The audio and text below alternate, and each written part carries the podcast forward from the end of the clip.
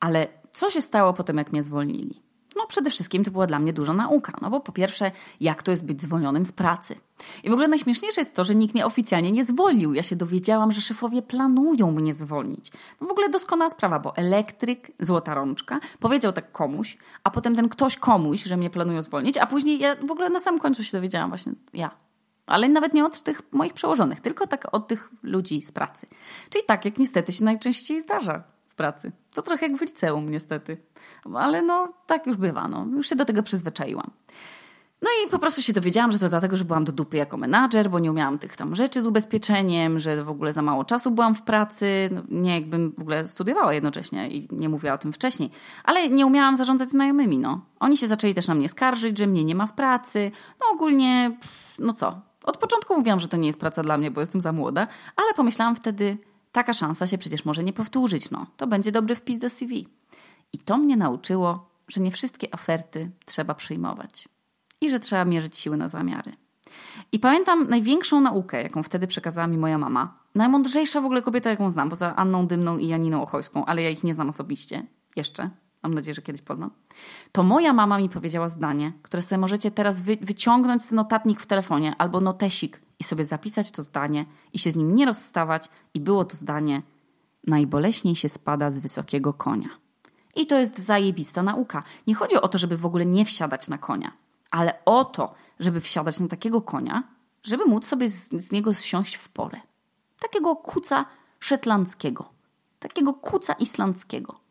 I no, przygotować się można też ewentualnie na taki no, spadek z tego konia, tak? Albo żeby tego konia sobie wychować, żeby się troszeczkę na przykład zmniejszył, albo przy upadku, żeby pochylał dupkę, no i żeby już tak nie rósł niebezpiecznie bo ja bardzo boleśnie spadłam. I spadłam tak, że zaliczyłam pierwszą swoją życiową depresję, która była, no też jeszcze była też o tyle wyjątkowa, że to był upadek z wysokiego konia. Z wysokiego konia aktywności, zapracowania, kompulsyjności, czy tam kompulsywności, kreatywności. Po kilku miesiącach takiego intensywnego życia nagle zapadłam w śpiączkę. I ona trwała chyba ze trzy miesiące. I podczas nich wzięłam Alfonsa, kota, który mi pozwolił nie czuć się też absolutnie samotnie w tej depresji. Przynajmniej zmuszał mnie do tego, żebym mogła wyjść z domu, e, bo musieliśmy chodzić z nim do weterynarza. No więc ja sobie chodziłam, wychodziłam z domu po to, żeby jemu nie było źle. Spędziłam dużo czasu z moją współlokatorką Olą, e, paliłam bardzo dużo e, no, oraz zupełnie się opuściłam w studiach. Aż w końcu doszłam do momentu, w którym wiedziałam, że ja już ich nie skończę. Że no już nie, no nie zrobię tego, że to nie jest dla mnie. Ale po pewnym czasie już tego letargu pomyślałam, że przecież jest jedna rzecz, w której ja jestem dobra. Jest to kreatywność. I że dobrze mi szło tam przed tym całym tym koniem menadżerstwa, to było właśnie bycie takim bajkopisarzem i wymyślaczem. I zamarzyłam wtedy o pracy w reklamie. Ja nie wiedziałam o tym nic. Ja nawet nie wiedziałam, jakie stanowiska tam istnieją. Kurwa, jeśli macie 15 lat, a, a ja wiem, że niektórzy z Was macie, albo jesteście przed studiami, to w tych biurach kariery, czy tam, nie wiem, w tych doradztwach, czy na, czy na wokół, nie wiem, gdzie to się teraz robi, oni wam nie powiedzą, jakie są najbardziej ciekawe i dochodowe zawody, bo oni nawet nie wiedzą, że one istnieją. Ja też nie wiedziałam. Ja nie wiedziałam, że na przykład istnieją storyboardziści. To są osoby, które mają talent do rysowania i oni rysują takie jakby komiksy, które powstają przed reklamą. No, żeby było widać, jak wygląda scena, bohaterowie, jakie są ujęcia. Są też storyboardziści seriali, są storyboardziści filmów. To nie jest, wiecie, jakiś tam zawód krzak. To, są, to jest prawdziwy zawód. Albo na przykład, że istnieje ktoś taki, no ktoś taki na przykład jak akant w reklamie. To jest ktoś taki, kto pośredniczy między marką, a osobami wymyślaczami. Albo na przykład, że ktoś jest taki jak researcher, strategowie. Oni tak stopują kreatywnych, że jak się zapędzą, że chcą zbudować na przykład schody do nieba i żeby to było live u jakiegoś youtubera, no to wtedy przychodzi strateg i pokazuje tabelki i mówi, no to się nie uda wymyślajcie sobie dalej. Albo na przykład jest ktoś taki jak trafik, że to jest taka osoba, która musi kontrolować, jakie projekty, jakie reklamy wymagają w ogóle, ilu osób do wymyślania i ilu do realizacji. I w ogóle myślałam, że za reklamami to stoi sama marka. Ja nie, nie wiem czemu. Nigdy się w ogóle też nad tym nie zastanawiałam. No, że oni sobie myślą na przykład taka marka, że o, zrobimy taką reklamę. A ja nie wiedziałam, że to wymyślają im inni ludzie. Zanim nie zaczęłam pracować w reklamie. I pamiętam, jak siedziałam na moim łóżku w Łodzi i kot leżał mi na kolanach, a, a ja czytałam różne strony i tam patrzyłam, jakie są w Polsce agencje. I tam były takie słowa, że międzynarodowy, nagrody, dyrektorzy kreatywni, briefy. Ja w ogóle nie wiedziałam, co to kurwa znaczy. Nie wiedziałam, co to jest BTL. Nie, że BLT, jak kanapka z, z Subwaya. Co, co to są OOH, co to są City Lighty, co to, są co to znaczy w ogóle mandatories, a co to jest zasięg organiczny. Nie, no, nic nie wiedziałam. Ale wysłałam swoje zgłoszenia, takie jak, nie wiem, portfolio do kilku agencji, które wydawały mi się super i dostawałam, dostałam odpowiedzi na dwa maile. No i dostałam w swoim życiu pierwsze dwa briefy rekrutacyjne. Jeden był o tym, żeby stworzyć posty na Facebooka dla lodów na, dla lodów na patyku jakichś tam zmyślonych marek, a drugi był o tym, że powstaje firma sprzedająca krasnale ogrodowe i że jak je sprzedać młodym ludziom, żeby były cool. Kurwa, no to były dni, które pozwoliły mi wyjść z tego doła, w którym byłam. No bo miałam dwa już napędy. Że pierwszy to jest to, że musiałam sobie udowodnić, że się w ogóle do czegoś nadaje, a drugi to, że zajebiście nie chciałam skończyć studiów ale nie miałam innej alternatywy żadnej. No i przeszłam to zadanie w pierwszej agencji. I potem rozmowę przeszłam pozytywnie już w Warszawie. Umówiliśmy się na hajs, ja już miałam to przemyśleć i dać im znać, od kiedy mogę zacząć. Ja już oczywiście byłam tak podniecona, że już, że już do mamy dzwoniłam, już byłam taka podekscytowana i zapowietrzona. No i kiedy stałam na skrzyżowaniu Świętokrzyskiej e, z Nowym Światem chyba, nagle napisał do mnie mój przyszły szef, który wtedy napisał, że o, jednak mamy miejsce dla ciebie, kiedy się możemy spotkać? A ja mu napisałam, jest stary, no ja już jestem w Warszawie właśnie, ja już dostałam pracę w Harbicach, no się spóźniłeś. A on mi powiedział, wysyłam po ciebie taksówkę, przyjeżdżaj, to pogadamy.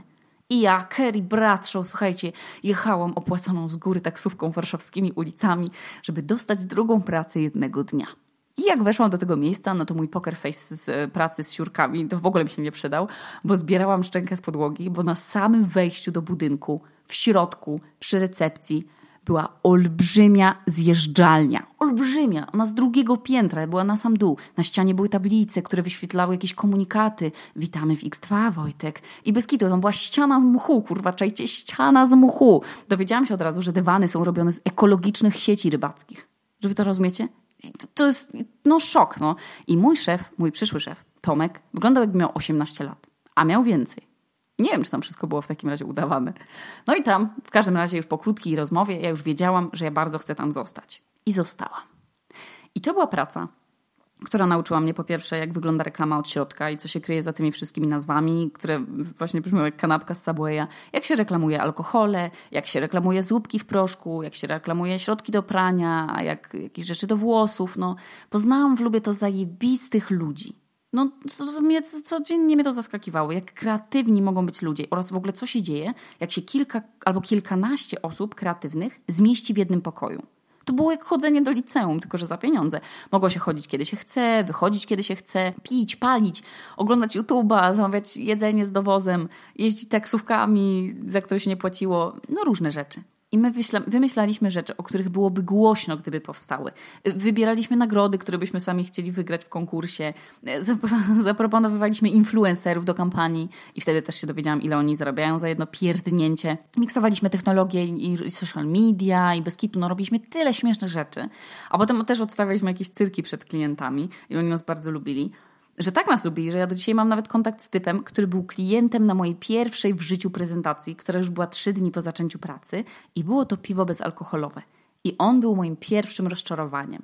Tak, ty Mateusz, bo powiedziałeś, że to super pomysł i go kupujesz, a potem do dziś go nie kupiłeś.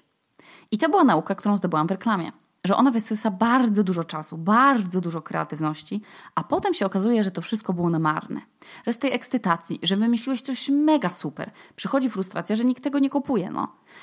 I w kuchni też to mam, no bo ludzie nie dojadają i na przykład wyrzucają frytki. No ale no na Boga, no zrobienie frytek wymaga jednej osoby i czterech minut a nie tygodnia i masy spotkań i pracy copywritera i arta i nieprzespanych nocy i tam tych strategów, ludzi od technologii, programistów, jakichś studia nagrań, reżyserów, no, no arsenału ludzi.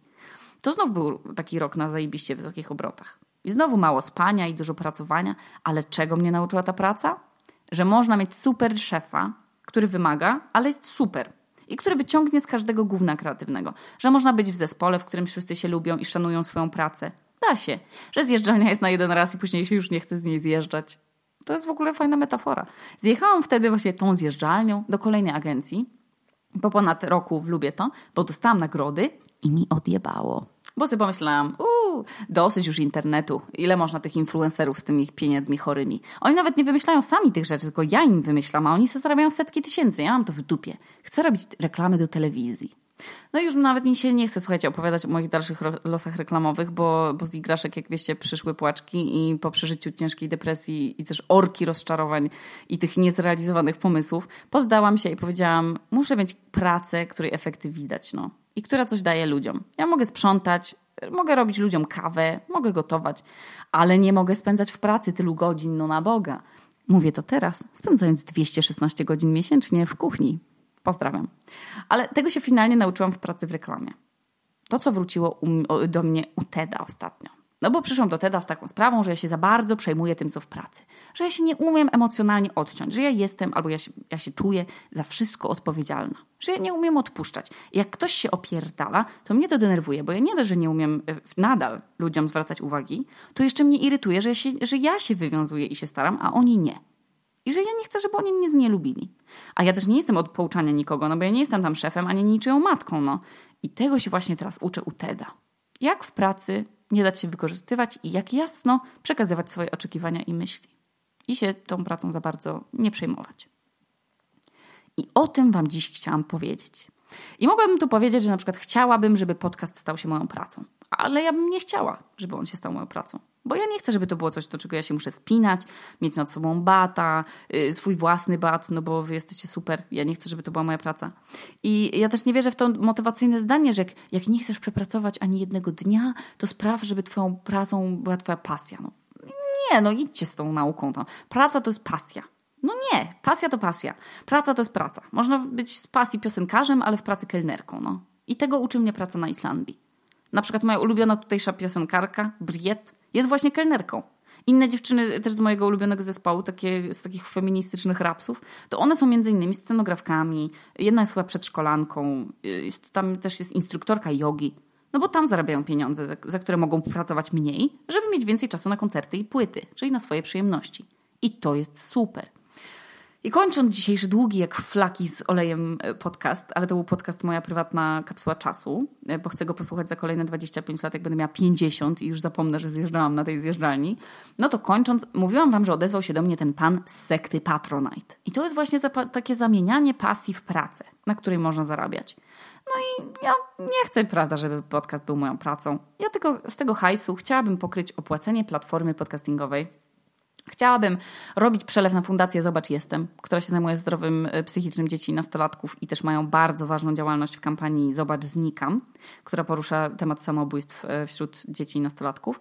I kolejny próg, czyli 440 zł miesięcznie, chciałabym przeznaczyć na sesję terapeutyczną u TEDa, bo wy na nią zasługujecie i chciałabym, żeby to była sesja, na której on odpowiada na nurtujące was pytania. No I na przykład, no nie wiem, jak się odseparować emocjonalnie od pracy. Nie wiem, o co zapytacie. Ted w ogóle jest wielkim fanem podcastu i on wie, że już jest takim symbolem wiedzy i takiej mądrości życiowej i takiej właśnie super pomocy. On jest w ogóle, Ted to już jest teraz jest symbolem wszystkich terapeutów, więc on bardzo chętnie się podzieli z wami różnymi ciekawostkami. Może nawet nagram tę sesję jako dodatkowy materiał do, do podcastu. Jeśli mi obiecacie, że nie będziecie się śmiać z mojego angielskiego, no to mogę to zrobić. No. Dla tych, co nie lubią po angielsku, zrobię po prostu po swojemu po polsku. I ostatni próg to jest już to, co przekroczy te 720 zł miesięcznie, minus tam prowizja dla tej sekty i prowizja dla tych wszystkich sekciarskich też platform płatności, to będzie moje kieszonkowe od Was. I będę sobie odkładać na to za komputer, na komputer, na dysk do komputera, na słodycze, na doniczki do kwiatków, no, na tak zwane przyjemności od Was, w podziękowaniu za, za to, to, co robię. Jeśli chcecie mnie wspierać takim przysłowiowym, kieszonkowym i wrzucić coś do tej skarbonki, to znajdziecie mnie na stronie Patronite. I są tam opisane wszystkie te rzeczy, łącznie z tym, co ja mam dla Was za każdą darowiznę. No i to tyle, no. To, to jest na Instagramie, można u mnie wejść tam sobie zobaczyć to. Y, może na, też na fanpage'u, może tam dam link. No ogólnie nie chcę was naciskać. No. Jesteście inteligentnymi ludźmi. Jak ktoś będzie chciał to robić, to sobie na przykład to zgoogluję. Ja nie będę nikogo z was przecież, nie będę was zapraszać do tej sekty na siłę. O, życzę sobie, żeby moje podcasty nigdy nie były moją pracą. Może znajdę inną pracę dzięki temu, czego mnie uczą podcasty. Nie wiem, bardzo bym chciała. Tu Okuniewska prosto z piwniczki w Reykjaviku, a to był opór długi podcast o moich wszystkich pracach.